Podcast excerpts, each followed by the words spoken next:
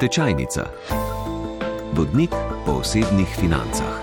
To je tečajnica 2 skozi 2, druga sezona, druga epizoda. Marja Milič, zdravo. Lepo pozdravljeni. Teden dni po naši prvi tečajnici so pravzaprav potrošniški krediti zlasti še vedno zelo aktualni. Um, ljudje se počutijo opeharjene, ker ne bodo več tako zlahka dostopali do teh kreditov. Recimo v luči nekih zdravih osebnih financ, ne? kdaj naj posameznik nikakor ne bi posegal po potrošniškem, po nekem hitrem kreditu. Če vemo, kaj, bom, kaj si želimo kupiti v prihodnosti. Ne? Če vemo, da potrebujemo novo kuhinjo, nov avto, kot rečeno, potem je čas, da začnemo vrčevati danes. Vemo, da se bomo čez 40 let upokojili, torej začnemo vrčevati že danes. To, to dejansko vrčevanje ali pa investiranje, to ni v bistvu kaznovanje, ampak je v bistvu samo odlog porabe na prihodne obdobje. Ne? Tako da načeloma pa je, potrošniška posojila so draga posojila. Tako da, če imamo možnost vrčevati, da je moraje vrčevati. Tisti, ki pravijo, da se danes ne morejo privoščiti vrčevanja, si ne morejo privoščiti tudi odplačevanja kredita. To je stoprocentno drži. Ne? Tako da malo je treba tudi postati v kontekst eh, v svoje osebne finance, svoj osebni položaj, zračunati, kaj si lahko privoščimo, kaj česa si ne moremo privoščiti in podlagi, na, na podlagi tega v bistvu potem tudi uh, ukrepati. Ne? Če želimo si kaj kupiti, pa si zdaj ne moremo privoščiti, moramo razmišljati tudi v smislu, kako si povečati prihodke, zato da si bomo lahko to privoščili, kako vrčevati in kako konc koncev se finančno pismenjevati, ker če bomo imeli finančno znanje, finančno pismenost, bomo veliko lažje shajali v tem svetu. Se pravi, potrošniški kredit naj bi bil nek izhod v sili, ne vem, v primeru, ko se zgodi nekaj, kar je treba takoj financirati in neko nujno popravilo kopalnice, ja. nujen nakup novega avtomobila. To nujno popravilo in nujne nakupe bi morali imeti že v sami osnovi oblikovano varnostno rezervo. Mhm. Varnostna rezerva je tista, ki ublaži te finančne učinke teh nujnih nakupov. Mhm. Mi moramo imeti na svojem bančnem računu vsaj od 3 do 6 mesečnih plač, zato da imamo to zalogo denarja za te nujne, nujne popravila, nujne servise avtomobila, nujno nakup novega pralnega stroja, ker se nam je ta pokvaril. Ne? Tako da najprej varnostna rezerva, par tisoč evrov za te nujne stvari, potem vse ostalo. Simon Logar je danes eh, naj gost, direktor sektorja investicijskih skladov pri NLB skladih. Dobar dan. Dobar dan. Um, kaj pravite o tej rezervi? Namreč v eni od prejšnjih eh, oddaj smo govorili o 3 do 6 kratnika, mislim, da mesečnih izdatkov, ne zdaj eh, mesečnih plač, toliko bolje, najbrž. Ja, s tem bi se kar strinjal. Mislim, res je, da marsikdo nima te možnosti, ampak če ima, ne, je fajn, da je to na računu.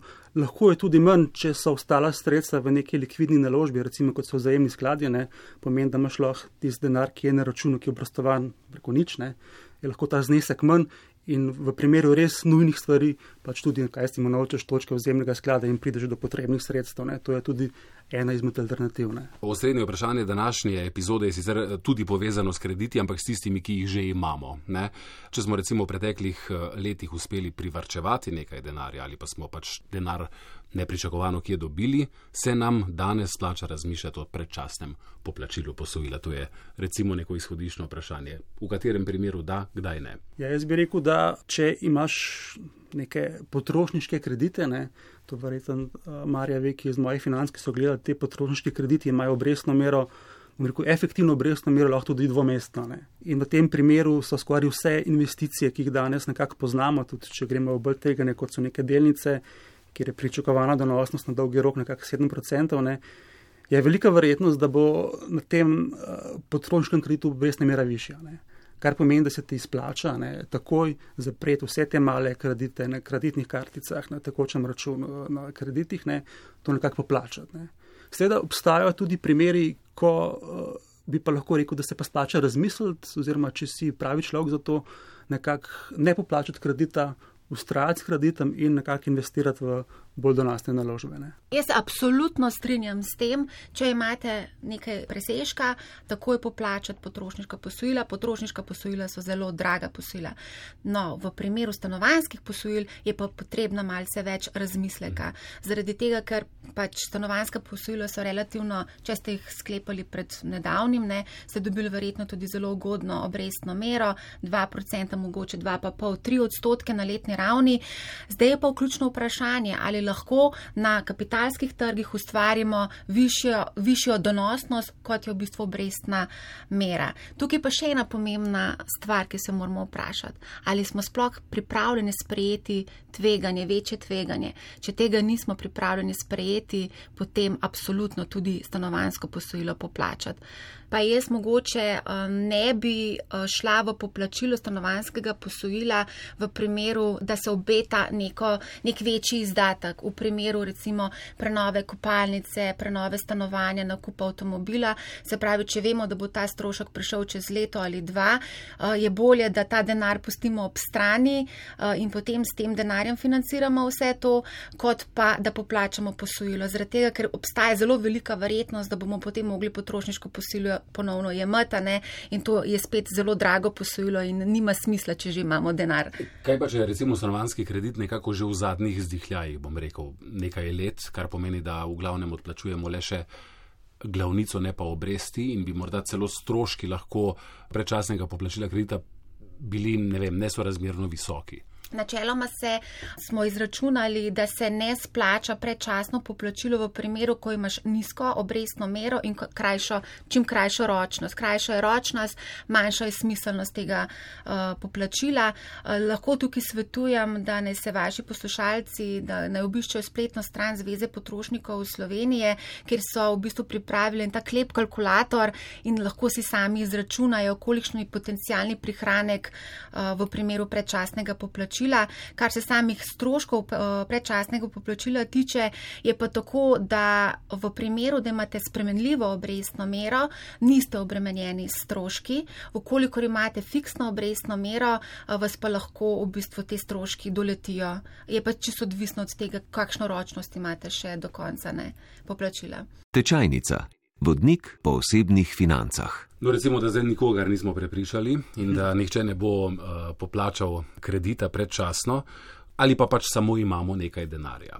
Kaj bi recimo vi priporočili? Kaj zdaj narediti s tem denarjem? Ne vem, katero številko vzamemo. 10, 20 tisoč evrov? V bistvu je vse od tega zneska. Osnovna načela so zelo tako dolgočasna in so vedno enaka. Razpršenost. Ne? Razpršenost, ja. ne samo to, eh, eno izmed osnovnih načel je to, da se vsaka stranka posamezno, ne, recimo, če bi se mi trije zdaj o tem odločali, bi bila lahko priporočila popolnoma drugačna. Zakaj ne? Ker je mogoče vaš finančni profil drugačen od mojega ne? in važno je tudi cilj oziroma ročnost vrčevanja. Ne? Če je nekdo, ki vrčuje, bom rekel, za, za otroke, za penzijo, ki ima 20 ali več let in je nekako naklonjen k tveganju, bi skoraj vsakmu priporočal nek razpršen portfelj delnic. Ne. Če bi vi vrčevali, ker rabite, ne vem, novo streho na stanovanju in imate to v planu dveh let, vam nekega vzemnega sklada delniškega ne bi priporočal. Ne. Se pravi, kaj hočem reči, je to, da ko ugotovimo, kakšen je nek profil posameznega vlagatelja, finančni profil, kakšna je njegova naklonjenost do tveganja, potem se lahko odločimo, kako mu svetovati. In zdaj, če ne grem konkretno na to vaše vprašanje, bi morali dati neke predpostavke, ne vsaj ne bi rekli, da imamo dati te predpostavke, da se vrčuje, ne vem, deset let ali več, ne, da nekako stranka razume tveganje, ne, potem lahko damo tudi priporočilo, kam bi, recimo, kam bi lahko vlagal. Ne. Mi na moje finance dobivamo stalno pač odgovore v smislu, zdaj ni pravi čas, ne? zdaj ni pravi čas, prihaja recesija, prigrozi nam recesija, gospodarska ohladitev je že tu, ne? vendar jaz pravim, da pa je vedno pravi čas za investiranje. Zakaj? Zato, ker pač tudi, ko dežuje, gremo ven in sicer se zaščitimo z dežnikom, podobno je tudi pri vrčevanju in investiranju. Potrebno se je zaščititi pred različnimi tveganji. Kako? Tako da v bistvu upravljamo s temi tveganji. Se pravi, če zdaj nekako imamo 100 evrov na razpolago za investiranje in če nas res tako grozen skrbi, da bo prišla ta gospodarska ohladitev in recesija in upadi tečajev, lahko recimo investiramo 75 evrov in 25 jih dajemo na stran. Ko pa pride ta ohladitev oziroma upadi tečajev ne, in ko se začneje temu pravimo tudi razprodaje 30-40 odstotne, 50 odstotne, je pa čas, da gremo s tem denarjem na polno notri. Se pravi, damo 125 evrov v sklade. V tem primeru, če imamo 100 evrov zneska, je potem najbolj primerno investirati v sklade. Ja. Kaj vi opažate? Smo se v Sloveniji recimo že znebili tistega nezaupanja, ki je zagrizlo močno ne, v te naložbene trge v Sloveniji v času krize? Jaz bi rekel, da do neke mere ja, ne pa še čistne. Moramo vedeti, da kakšna Slovenija ne, nima zgodovine, recimo Amerike, kjer se vlaga v delnice vem, že 200 let. Ne. Pri nas vlagamo v bistvu vem, mogoče 20 let, ne, ob tem, da smo doživeli samo eno krizo, še ta pa je bila skoraj najhujša. Ne. In takrat je marsikdo dobil občutek, da, pač, da so delnice špekulativne, kar so na kratek rok. Ne. In pokazalo se je tudi, da veliko slovencev, ki je vlagalo, ni imelo ustrezne razpršitve premoženja. Ne. Vlagali so izključno v par delnic, ne, po možnosti slovenskih ali pa balkanskih. Ne une umestne poti, ne bi rekel, celovito razpršenost premoženja pa ni bilo. Ne.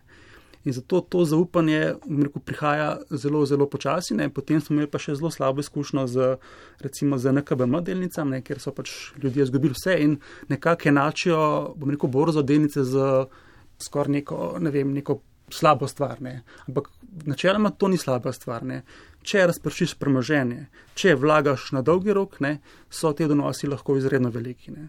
Ne vem, od leta rekel, 2010 pa do danes, nekdo, ki je vlagal morda v delniške sklade, malo bolj tvegane, je svoje premoženje po četverju, po peterju. Ne. Veste, kaj je to v desetih letih, oziroma še manj po peterju svoje premoženje. Ne. Ampak ključ do tega je bila neka razpršenost. Ne. In tudi ustrajnost, ne? namreč nič se ne zgodi čez noč. Ja, sigurno, ustrajnost. Na delniških trgih sta dve ključni stvari. Ne. Ena je razpršenost, druga je pa dolgi rok. Ne. Dolgi rok pomeni to, da ti moraš imeti nekako čas, ko pride recesija, da to pač nekako gre skozi in potem, ko prodaš, spet prodaš po višjih nevojih. Ne.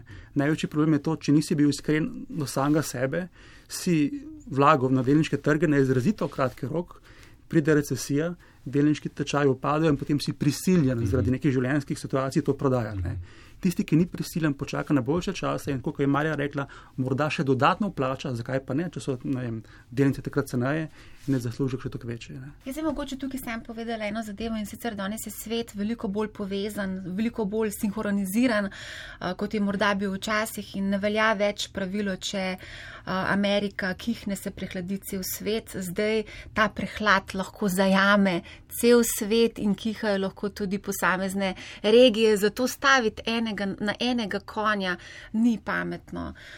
Tako da jaz tudi priporočam razpršenost, ne samo po nalogu, naložbenih razredih, ampak tudi po ročnostih. Predvsem pa svetujem, da investiramo tudi v svoj lasten človeški kapital, ker tako v bistvu smo prožni, smo fleksibilni, tudi na trgu dela zaželeni. Tako da ni samo investicija v delnice, v sklade, v ETF-e, ampak tudi v svoj lastni razvoj. No, ampak jaz bom zdaj vseeno še malo pri delnicah zadržal, ne recimo za nekega laičnega vlagatelja, kot sem jaz, naprimer, sam delnice konkretne, posamično ali ne? Je zdaj odvisno od vaše finančne pismenosti, ker tukaj je vsem potrebno veliko več znanja, kot pa recimo investiranje v vzajemnih skladih. V vzajemnih skladih je v bistvu so že same po sebi razpršena košarica. V skladih je do 50 različnih delnic in mi nekako zaupamo pač pilotu oziroma upravljalcu premoženja, da nas bo varno kljub različnim turbulencam pripeljal do cilja. Tako da jaz ne svetujem naložb naložbe v delnice, tudi v sklade, ki zasledujejo indekse torej, eh, in kotirajo na borzi, torej ETF-e, če nimamo zadosti finančnega znanja. Pa ne gre le samo za finančno znanje, gre tudi za to, če vi kot nek mali vlagatelj ne, sami kupujete delnice, ne, vas bodo vse verjetnosti udarili neki minimalni stroški. Ne.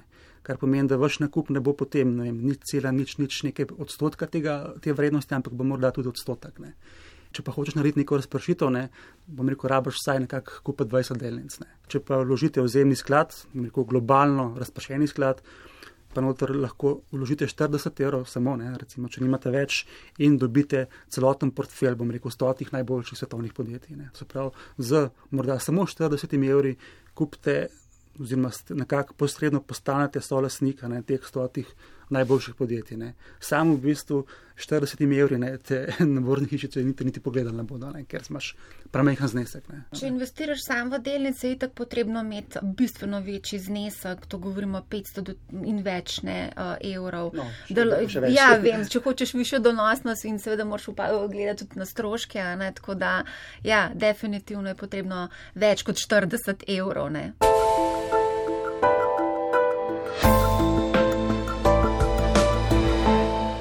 Zelo konkretno, ker smo prej vendarle omenili nek znesek, naprimer 10 tisoč evrov po odstotkih, koliko kam.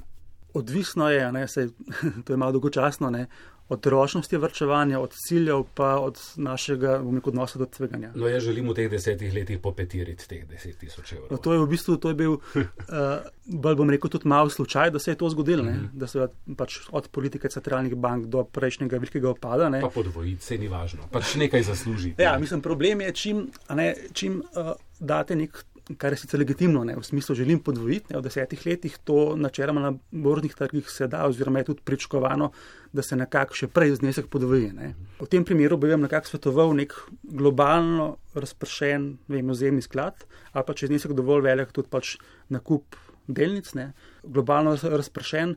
Zdaj v kakšnih razmerih bi rekel tako, nekako 35% Evropa, 35% ZDA, 10% razvita Azija, pa nekako do 20% nekako trgov v razvoju. Ne. S tem naredite nek globalni portfelj. Zakaj je globalni? Zato, ker edin to vam nekako nudi ustrezno zaščito pred morda težavami v posamezni državi. Ne. Zato zmeraj treba razmišljati globalno. Še en vidik je morda, ne.